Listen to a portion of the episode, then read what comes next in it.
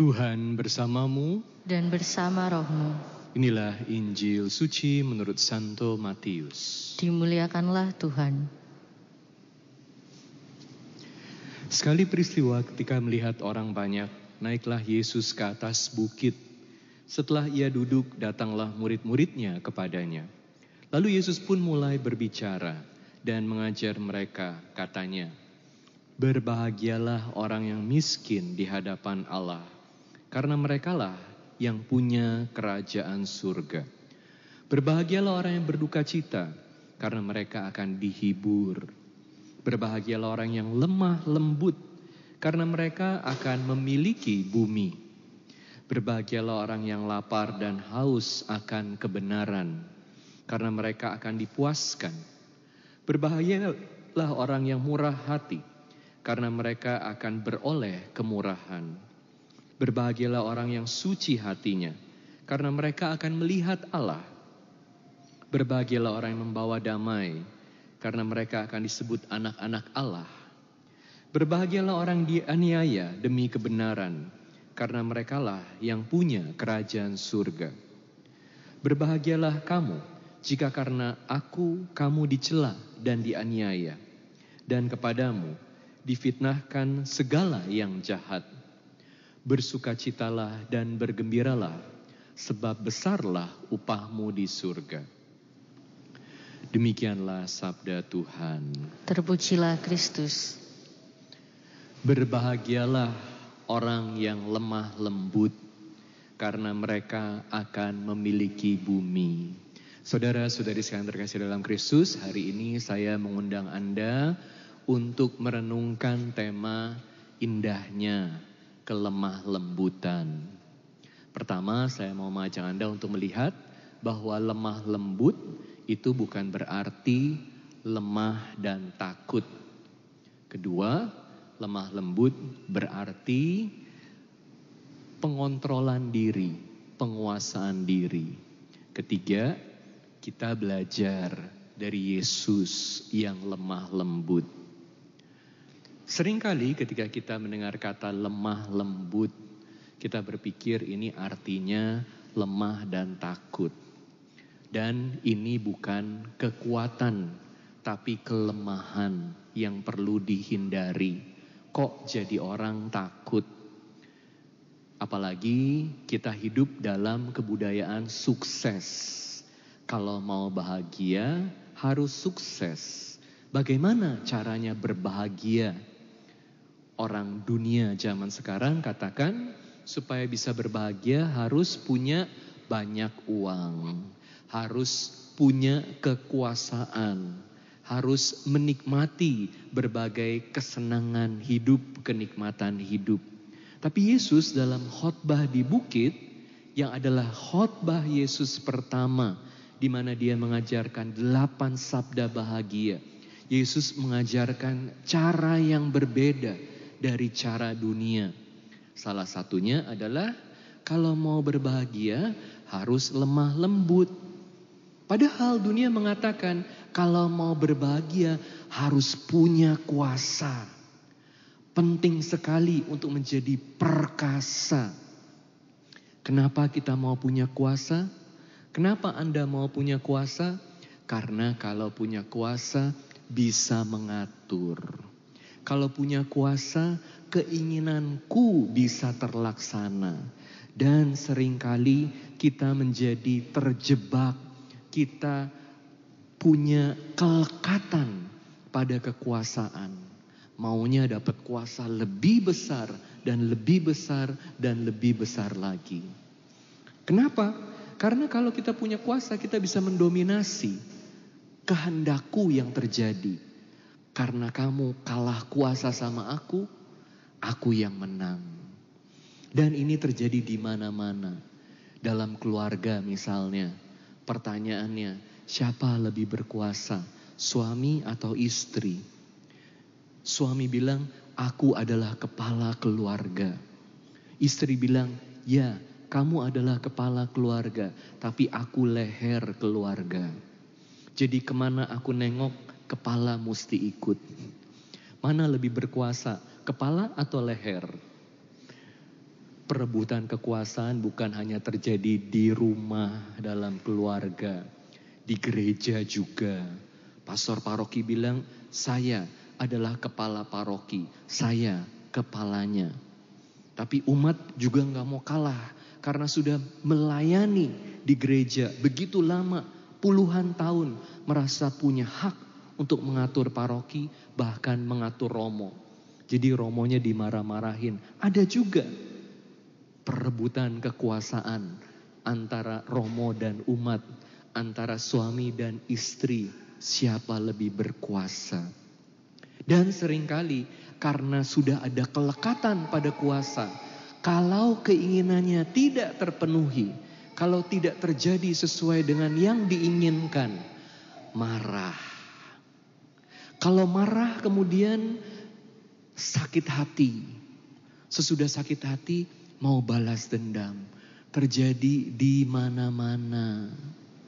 Tapi lemah lembut itu bukan berarti lemah dan takut, hanya menyerah saja. Justru lemah lembut adalah kekuatan, penguasaan diri. Orang yang lemah lembut ini bisa menguasai diri, dengan demikian tidak mudah jatuh dalam kemarahan dan tidak terjebak pada rasa sakit hati dan balas dendam. Orang yang lemah lembut tahu bahwa kejahatan bisa dikalahkan dengan kasih. Seperti Yesus sendiri. Makanya kita harus belajar untuk menguasai diri kita dan Yesus sudah menjadi contohnya. Karena Yesus mengatakan, pikulah kuk yang kupasang. Karena aku lemah lembut dan rendah hati. Dan kamu akan mendapatkan ketenangan. Kalau dalam hidup kita hanya menggunakan kuasa kita, kita mau supaya orang ikut kita, karena mereka kalah. Kalau keinginan kita tidak tercapai, kita mau menang. Caranya bagaimana? Dengan menghancurkan orang lain. Tapi kalau kita menghancurkan orang lain, yang ada hanya lingkaran balas dendam. Saat ini dia kalah.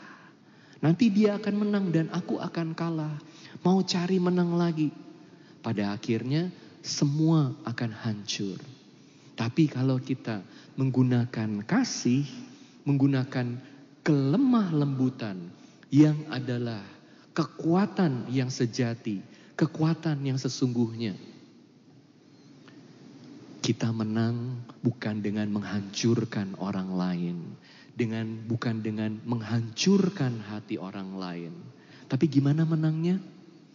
Dengan memenangkan hati orang lain Orang ikutin kita bukan karena mereka takut, tapi karena mereka menghormati kita, karena mereka sayang sama kita. Kalau kita hanya mau main kuasa, kita jadi bencekno.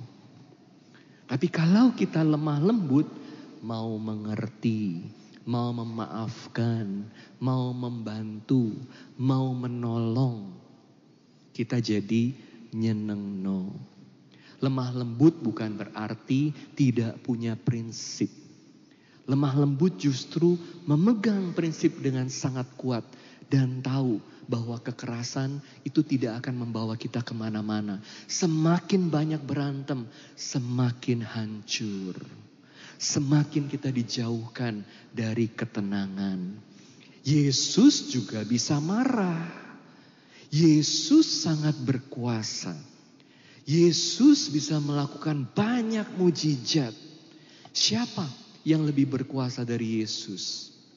Tapi Yesus tidak mengumbar kemarahannya. Marah saat perlu marah. Marah dengan penuh kasih. Bukan karena mau menang dan melampiaskan rasa sakit hati. Marah karena mau mengubah orang yang dikasihi. Dan kalau mau mengubah orang yang mau dikasihi dengan memberikan teguran yang baik, Ini sama seperti memberikan derma kepada orang yang hidupnya tidak baik. Tapi bukan dengan mengumbar perasaan, sakit hati. Dengan mengerti supaya bisa menyelamatkan orang tersebut. Ini yang kita perlu lakukan dalam hidup kita sehari-hari. Kalau kita itu hanya mengumbar emosi dan kemarahan, kita kehilangan diri kita. Kita kehilangan orang lain, bahkan orang yang kita cintai. Dan bahkan kita bisa kehilangan Tuhan. Karena kita hanya mau supaya kehendakku yang terjadi. Kalau kita hanya mau supaya kehendak kita yang terjadi, Tuhan kasih kita masuk surga gak? Kalau kita mau menang sendiri, Tuhan kasih kita masuk surga gak? Tuhan juga khawatir. Jangan-jangan kalau ada orang seperti ini di surga, nanti bisa ada kudeta di surga. Tuhan juga mau diatur sama orang seperti ini. Nah makanya kan Tuhan bilang, Yesus bilang, pikullah kuk yang kupasang. Belajar dari aku, karena aku lemah lembut dan rendah hati. Dan kamu akan menjadi tenang. Itu artinya kalau kita bersedia menerima kuk dari Tuhan Yesus. Artinya kita bersedia menerima beban dari Tuhan Yesus. Artinya kita bersedia mengikuti kehendak Tuhan. Bukan hanya terikat, melekat pada kehendakku. Anda lihat ya, semakin orang punya power, semakin dia bisa kontrol sana sini semakin dia bermain dengan power, semakin dia menghalalkan segala cara supaya kehendaknya terjadi. Dan kalau ada sedikit aja kehendaknya tidak terjadi, dia akan marah. Dia akan sakit hati. Semakin melekat pada power, semakin sulit kita akan tenang. Karena hal kecil aja buat kita nggak tenang, buat kita jadi marah. Maka belajar untuk bisa menahan kemarahan, belajar untuk bisa mengerti, belajar untuk bisa memaafkan, belajar untuk bisa mengalah untuk menang, belajar dan mohon rahmat dari Tuhan Yesus.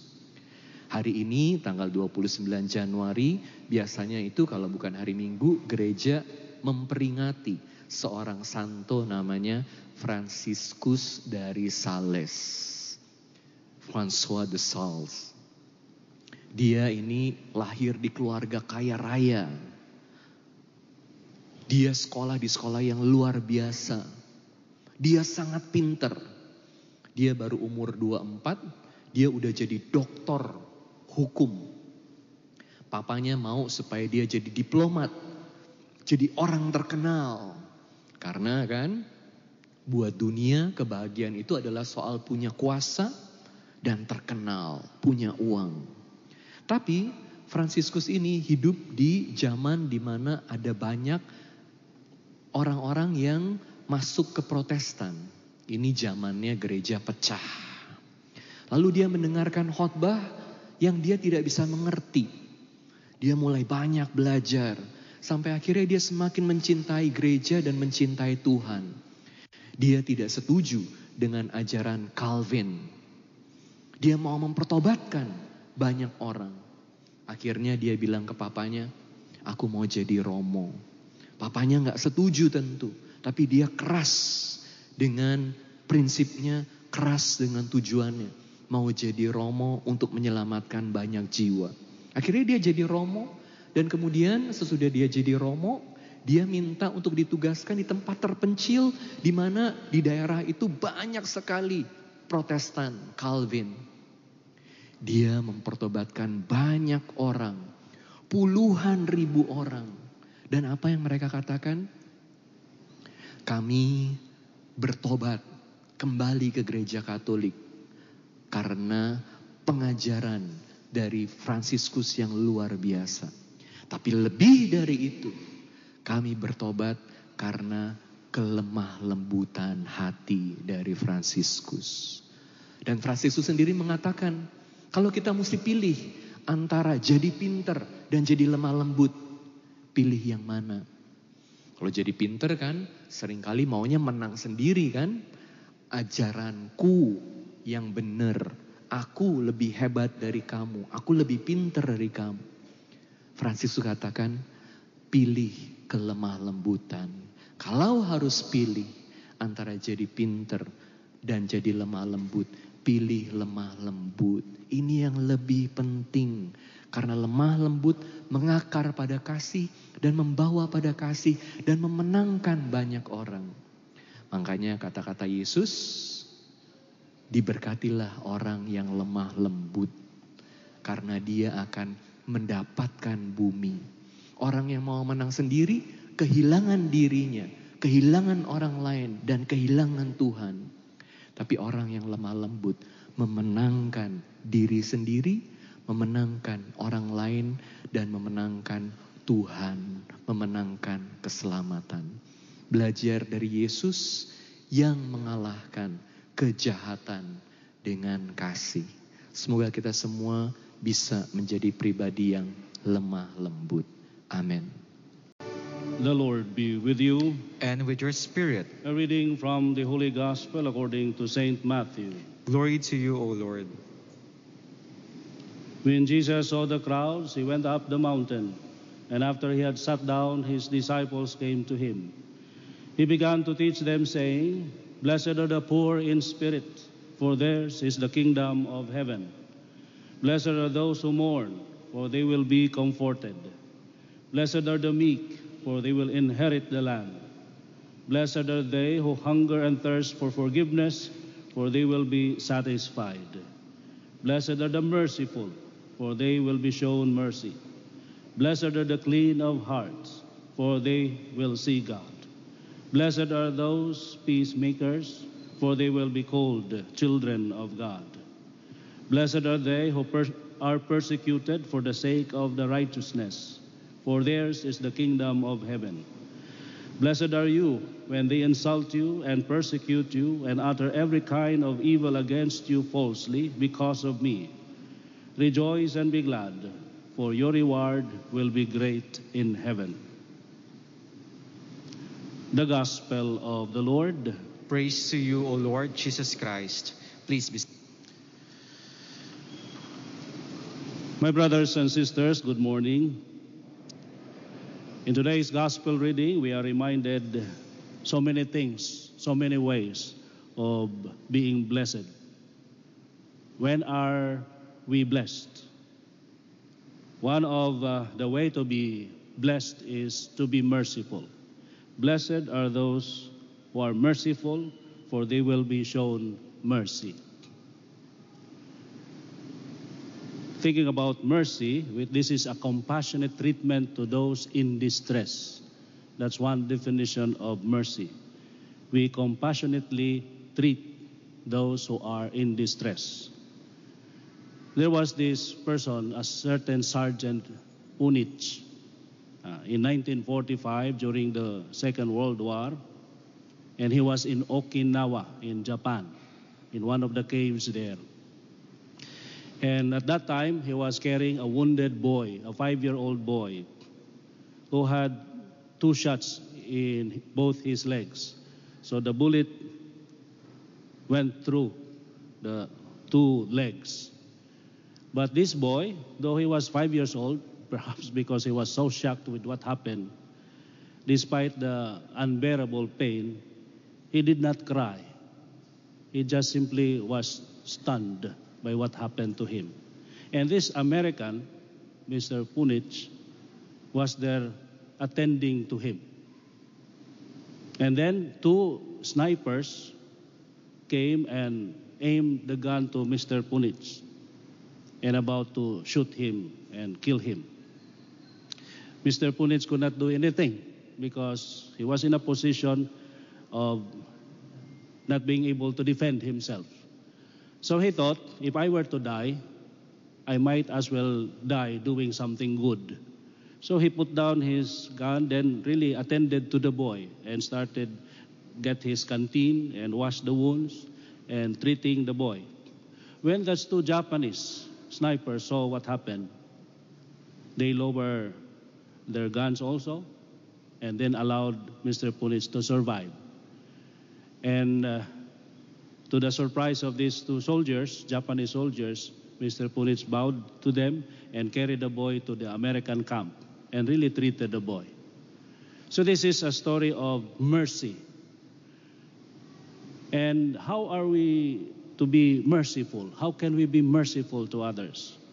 One way is to enter, literally enter into the skin of the other fellow, to enter into their lives, to see as they see, to feel as they feel. And then we can somehow empathize and be compassionate. The problem is we oftentimes see people through our own eyes. And when we have judged them wrongly, then that's our perception of this person. Just like this young boy again who suffered so much because of the separation of his parents. What he remembers is that when they were together, the parents were still together, they always uh, are with him in almost every activity in school.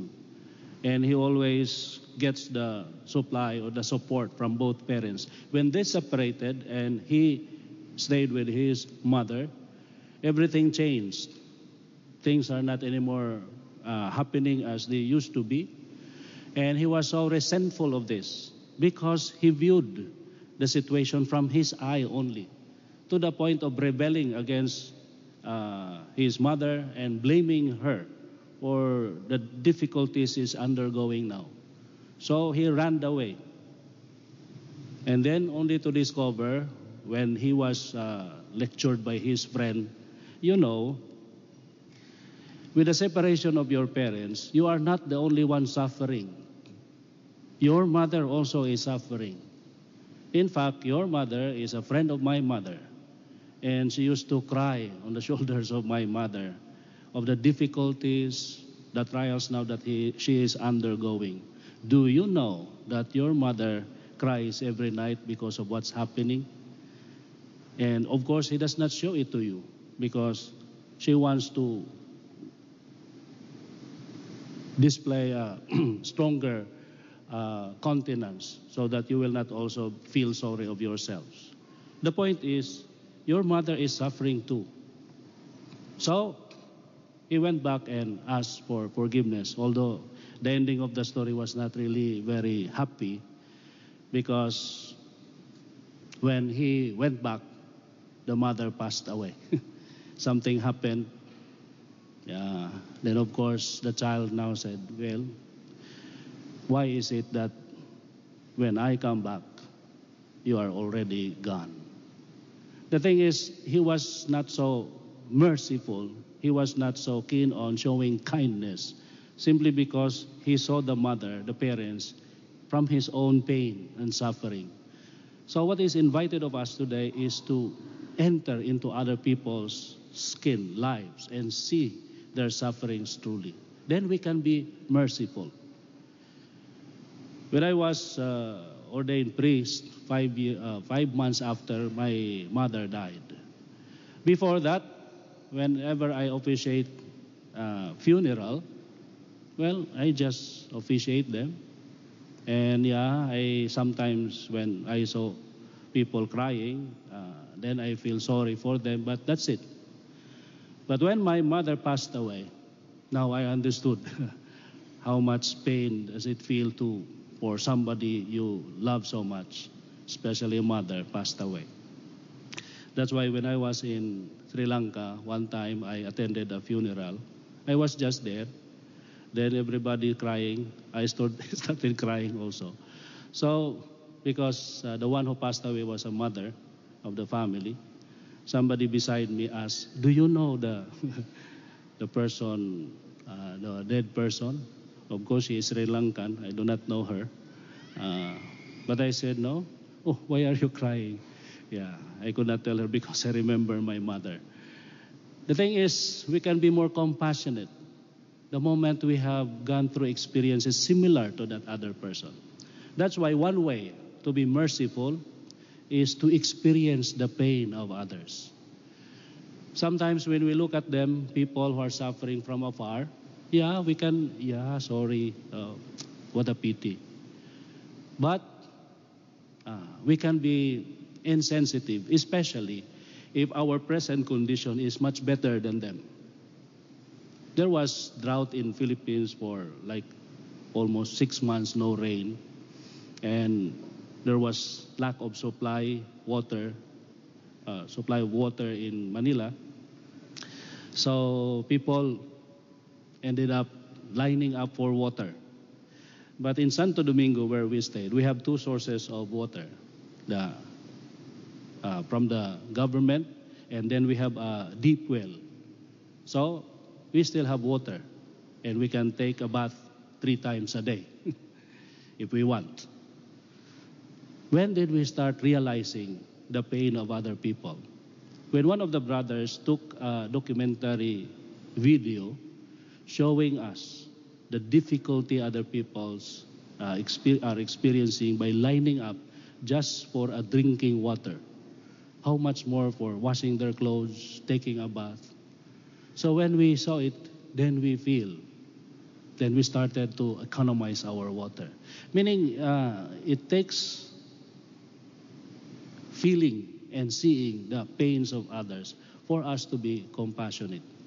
Going back to the story earlier of this Mr. Punich, uh, he published an article 40 years after. That was 1945, so 1985. Uh, thanking the Japanese government and especially the two soldiers who showed mercy to him. That's why he survived the war. And 40 years later that he thanked those soldiers. The soldiers saw it and contacted the editor and they met. Uh, the name of the Japanese was Ishiwashi, uh, Mr. Ishiwashi. So they met and they shared stories how their lives turned out after the war. So these are enemies, Japanese and American. But because the Americans showed kindness to this little boy, the five year old boy, then the two Japanese soldiers also showed mercy to him. This is literally what it meant, or what is meant by the gospel today. Blessed are those are the merciful, for they will be shown mercy. So that's our invitation. But it's easy to say, yeah, be merciful, be forgiving. How? Then we are invited to engage more. To visit, for example, people in the hospitals, those who figured accidents, broken legs, broken arms, broken neck. Sometimes we are so complaining in life, oh, my eyelash, eyelashes, eyebrows, not, not level. or my lips, why is it twisted? Yeah. You try to visit the leprosarium and meet lepers without lips. I have seen one without lips. And you know the consequence of a person without lips? They cannot eat solid food, only uh, porridge. Why? Because they cannot chew. The moment they chew, the, the food fell off. and when they greet, you do not know if they are in pain or they are happy or they are in uh, sad because, brother, take, good morning. No lips. And then, not only without lips, but without hands, without palms. That's why the fellow tied the spoon with a garter and semi-embrace the, the bowl and start eating. The moment he scooped the porridge, put it in his mouth, then swallow. All because no lips, no hands. Now, sometimes we are complaining about our lips because it's a little bit twisted. Be grateful you have your lips. Then, when we see this pain in others, somehow that's one way of being merciful and being grateful. When I saw this lady, used to be very fat before, according to her. Now she is thin because she wanted to reach the bulb and clean it, but could not reach it. So he stepped on a chair and cleaned. Then he fell off. Then hit something solid behind his neck, and he was quadriplegic. Could not move from neck down.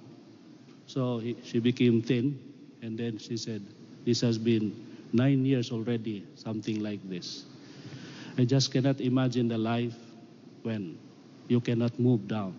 That's why be grateful you have our hands and our arms. That's the invitation, the deeper invitation for us today. To feel, to feel the suffering of others, to see as they see. Then we can be compassionate. We can be merciful. And when we are merciful, then our Lord Jesus Christ promised us, for those who are merciful, you will be shown mercy. If you are grateful, merciful, kind to other people, then God, our Father, will be kind and merciful to you. Amen. Tuhan bersamamu.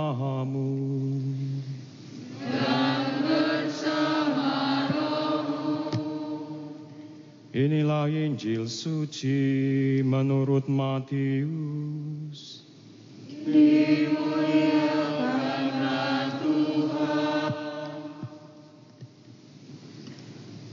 Sekali peristiwa ketika melihat orang banyak, naiklah Yesus ke atas bukit. Setelah ia duduk, datanglah murid-muridnya kepadanya. Lalu Yesus pun mulai berbicara dan mengajar mereka. Katanya, Berbahagialah orang yang miskin di hadapan Allah, karena merekalah yang punya kerajaan surga. Berbahagialah orang yang berduka cita, karena mereka akan dihibur. Berbahagialah orang yang lemah lembut, karena mereka akan memiliki bumi. Berbahagialah orang yang lapar dan haus akan kebenaran, karena mereka akan dipuaskan. Berbahagialah orang yang murah hati, karena mereka akan beroleh kemurahan. Berbahagialah orang yang suci hatinya, karena mereka akan melihat Allah. Berbahagialah orang yang membawa damai, karena mereka akan disebut anak-anak Allah. Berbahagialah orang yang dianiaya demi kebenaran, karena mereka lah yang punya kerajaan surga. Berbahagialah kamu, jika karena aku kamu dicela dan dianiaya, dan kepadamu difitnahkan segala yang jahat. Bersukacitalah dan bergembiralah, sebab besarlah upahmu di surga. Demikianlah sabda Tuhan.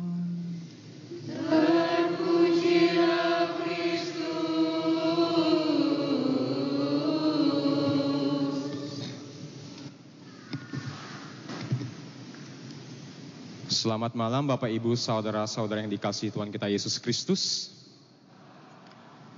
Apakah boleh menyapa yang duduk di sebelah kiri dan sebelah kanan dengan sebuah senyuman? Oke, selamat malam. Tuhan memberkati. Puji Tuhan. Saya mau pun uh, mengadakan sedikit survei. Oke, quick survey, survei cepat.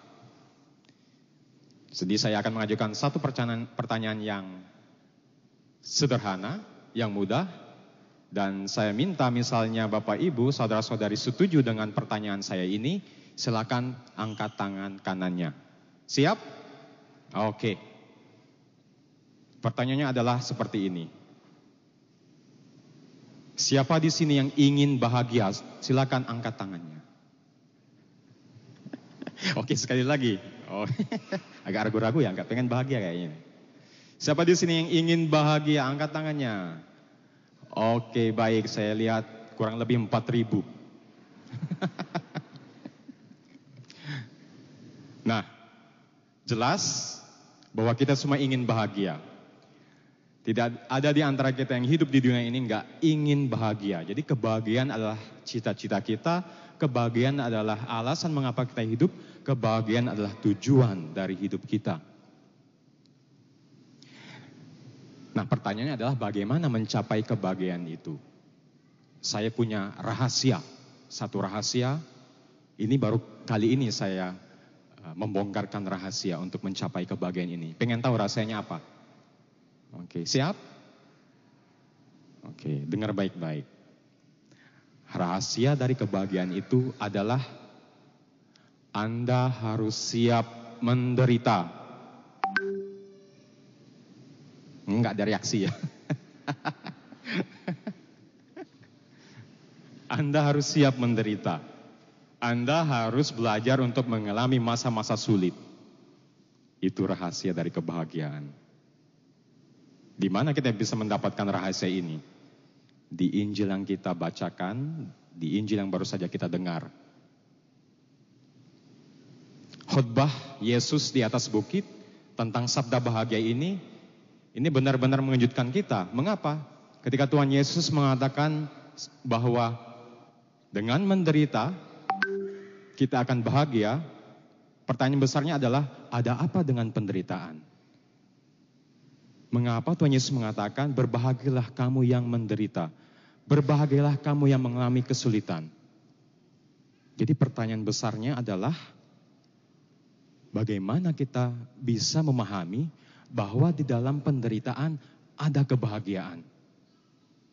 Bahwa untuk mencapai kebahagiaan sejati, kita harus, harus melalui masa-masa sulit, kita harus melalui penderitaan. Kita harus mengalami masa-masa sakit, sulit, penderitaan.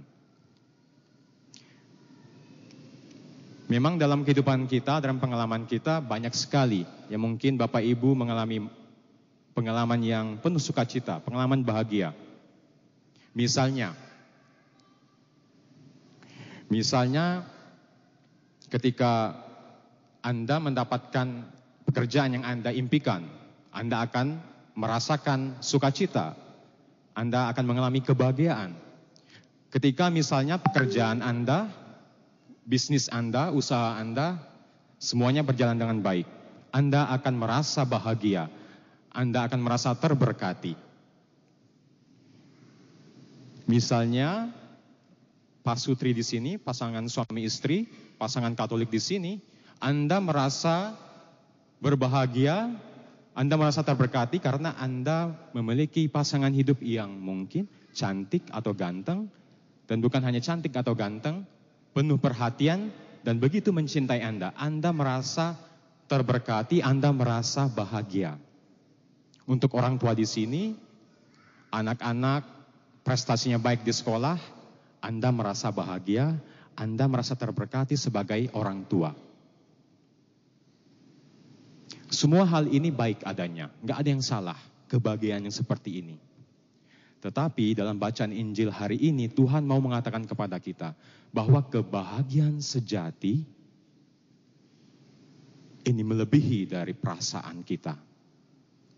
Bahwa kebahagiaan sejati memerlukan pengorbanan. Dan pengorbanan artinya adalah ada pengalaman sulit, ada pengalaman sakit, ada pengalaman penderitaan. Namun sebenarnya Bapak Ibu saudara-saudara terkasih, perkataan Tuhan Yesus dalam sabda bagai ini bukan sesuatu yang baru. Sebenarnya apa yang dikatakan oleh Tuhan Yesus ini adalah kenyataan hidup kita bahwa penderitaan, rasa sakit itu adalah bagian dari hidup kita. Bahwa penderitaan dan rasa sakit itu justru sebenarnya adalah indikasi atau tanda bahwa Anda ini masih hidup. Seorang ibu harus melalui masa-masa sulit, harus mengalami rasa sakit yang luar biasa dalam proses persalinan supaya kehidupan, kehidupan baru bisa dilahirkan. Biji harus jatuh di tanah dan mati, begitulah sabda Tuhan, supaya kehidupan baru bisa dimunculkan. Jadi rasa sakit, pengalaman penderitaan ini bukan sesuatu hal yang baru. Ini adalah kenyataan hidup, bagian dari hidup kita. Dan indikasi atau tanda bahwa Anda masih hidup. Coba dibayangkan misalnya anda enggak lagi mengalami rasa sakit. Nah, itu bahaya. Coba disenggol sedikit, disikut sedikit, yang duduk sebelah kiri sebelah kanan, apakah masih merasa sakit? Kalau enggak, cepat-cepat kunjungi dokter ya.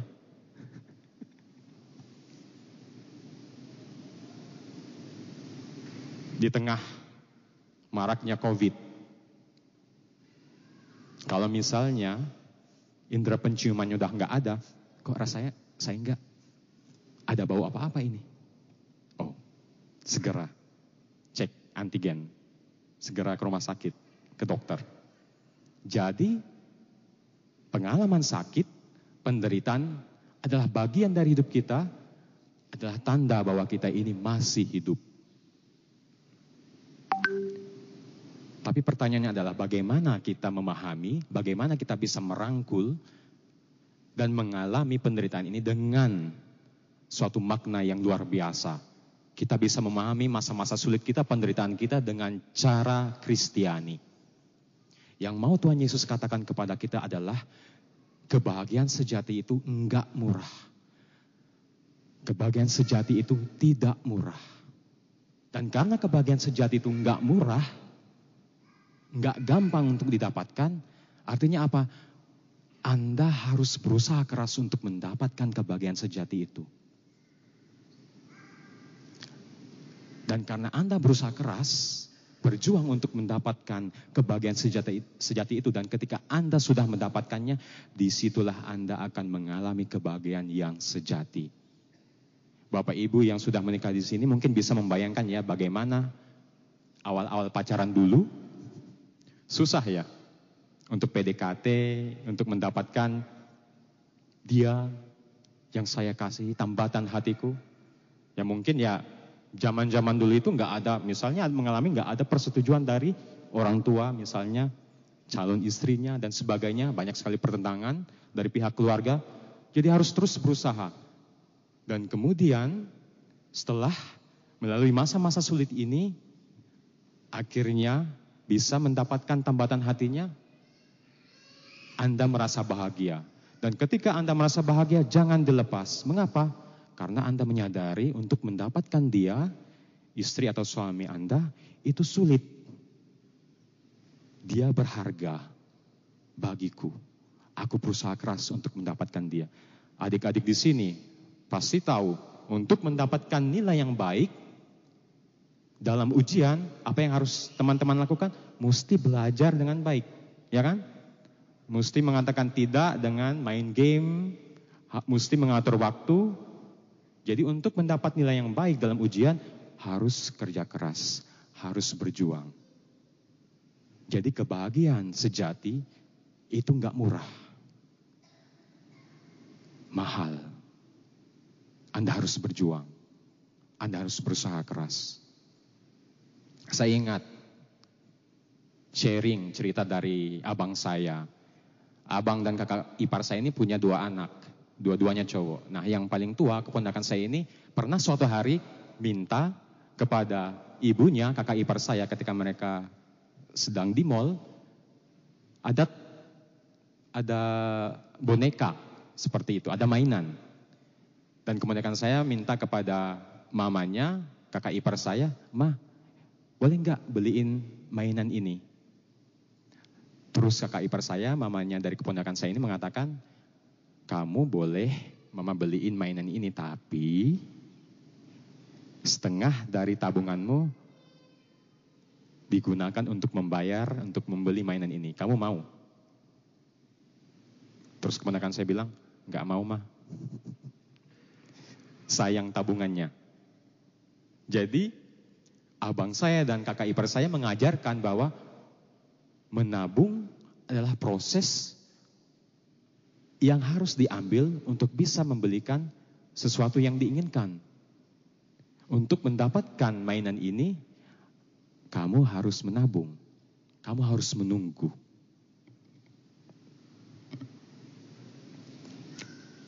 Jadi penderitaan, kesulitan, rasa sakit adalah kesempatan supaya kita bisa memaknai apa itu kebahagiaan sejati. Dan banyak dari kita takut untuk menderita. Tapi sebenarnya dia yang takut untuk menderita, ternyata sedang menderita karena ketakutannya. Dia yang takut untuk menderita, sebenarnya sedang menderita karena ketakutannya. Jadi hidup yang bermakna adalah hidup yang bisa dibagikan. Dan bagaimana kita bisa menderita dengan penuh rahmat? Menderitalah secara ekaristi. Artinya apa? Ekaristi kita dipersembahkan, dipecah-pecah, kemudian dibagikan. Menderita secara ekaristi mau mengatakan kepada kita bahwa adalah dalam masa-masa sulit kita, kita mau mengabungkan penderitaan kita dengan penderitaan Kristus. Dan lewat penderitaan kita, ini merupakan kesempatan bagi kita untuk bisa berbagi. Bahwa di dalam penderitaan juga kita bisa menyembuhkan. Itulah penderitaan Ekaristi. Bahwa dalam masa-masa sulit pun, dalam penderitaan pun kita masih bisa untuk berbagi. Saya menjalin formasi di Filipina kurang lebih ya 12 tahun. Dan suatu hari saya dalam perjalanan dari Manila ke suatu biara dan saya ya berbincang-bincang dengan sopir yang membawa saya dari Filip, dari Manila ke biara ini. Saya bertanya ke, ke sopir ini, ya, panggilannya di Filipina itu kuya. Kuya itu ya kurang lebih seperti mas atau abang. Saya bertanya, mas, Kuya, rasanya nyetirnya enak ya? Nggak punya mobil. Terus sopir ini, si Kuya ini berkata, saya, waktu itu saya masih frater. Frater, pengen sih sebenarnya punya mobil. Tapi saya mesti menabung, menyimpan uang untuk bisa membayar kuliah anak-anak saya. Menderita untuk bisa berbagi. Hidup yang bermakna adalah hidup yang bisa dibagikan, bisa berguna untuk orang lain. Dan inilah yang dikatakan oleh Santo Fransiskus dari Assisi. Di dalam penderitaan ada makna.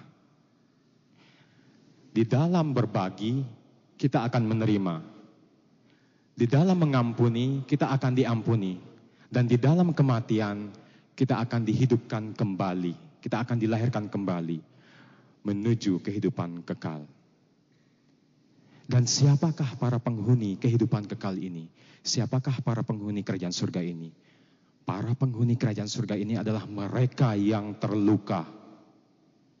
Mereka yang terluka karena mereka telah mencintai Meskipun sulit untuk mencintai, meskipun sulit untuk mengampuni, mereka tetap mencintai dan mengampuni sampai terluka. Dan Santo Petrus nggak akan menerima seorang pengikut Kristus, seorang Katolik untuk masuk ke dalam kerajaan surga ketika ia berdiri di depan pintu surga dan didapati tanpa luka. Mengapa? Karena pemilik kerajaan surga Allah yang kita ikut, Allah yang kita sembah adalah Allah yang terluka. Lihat salib. Allah yang terluka karena mencintai kita dengan sungguh. Allah yang terluka yang mengatakan jangan takut untuk mencintai meskipun Anda harus terluka. Jangan takut untuk memaafkan meskipun Anda harus mengalami penderitaan dan rasa sakit. Mengapa? Karena luka-lukaku akan menyembuhkan luka-lukamu. Dan apabila kita merasa nyaman karena kita tidak terluka untuk mencintai, belajar mencintai, belajar terluka. Karena mencintai dengan sungguh adalah belajar untuk berkorban. Di situlah letak kebahagiaan sejati. Kita berdoa supaya kita bisa belajar untuk mendapatkan kebahagiaan di tengah-tengah penderitaan. Kita berdoa untuk bisa menyatukan masa-masa sulit kita dengan ekaristi, dengan luka-luka Kristus. Karena kita yakin dan percaya bahwa barang siapa yang setia sampai akhir akan mendapatkan upah yang berlimpah.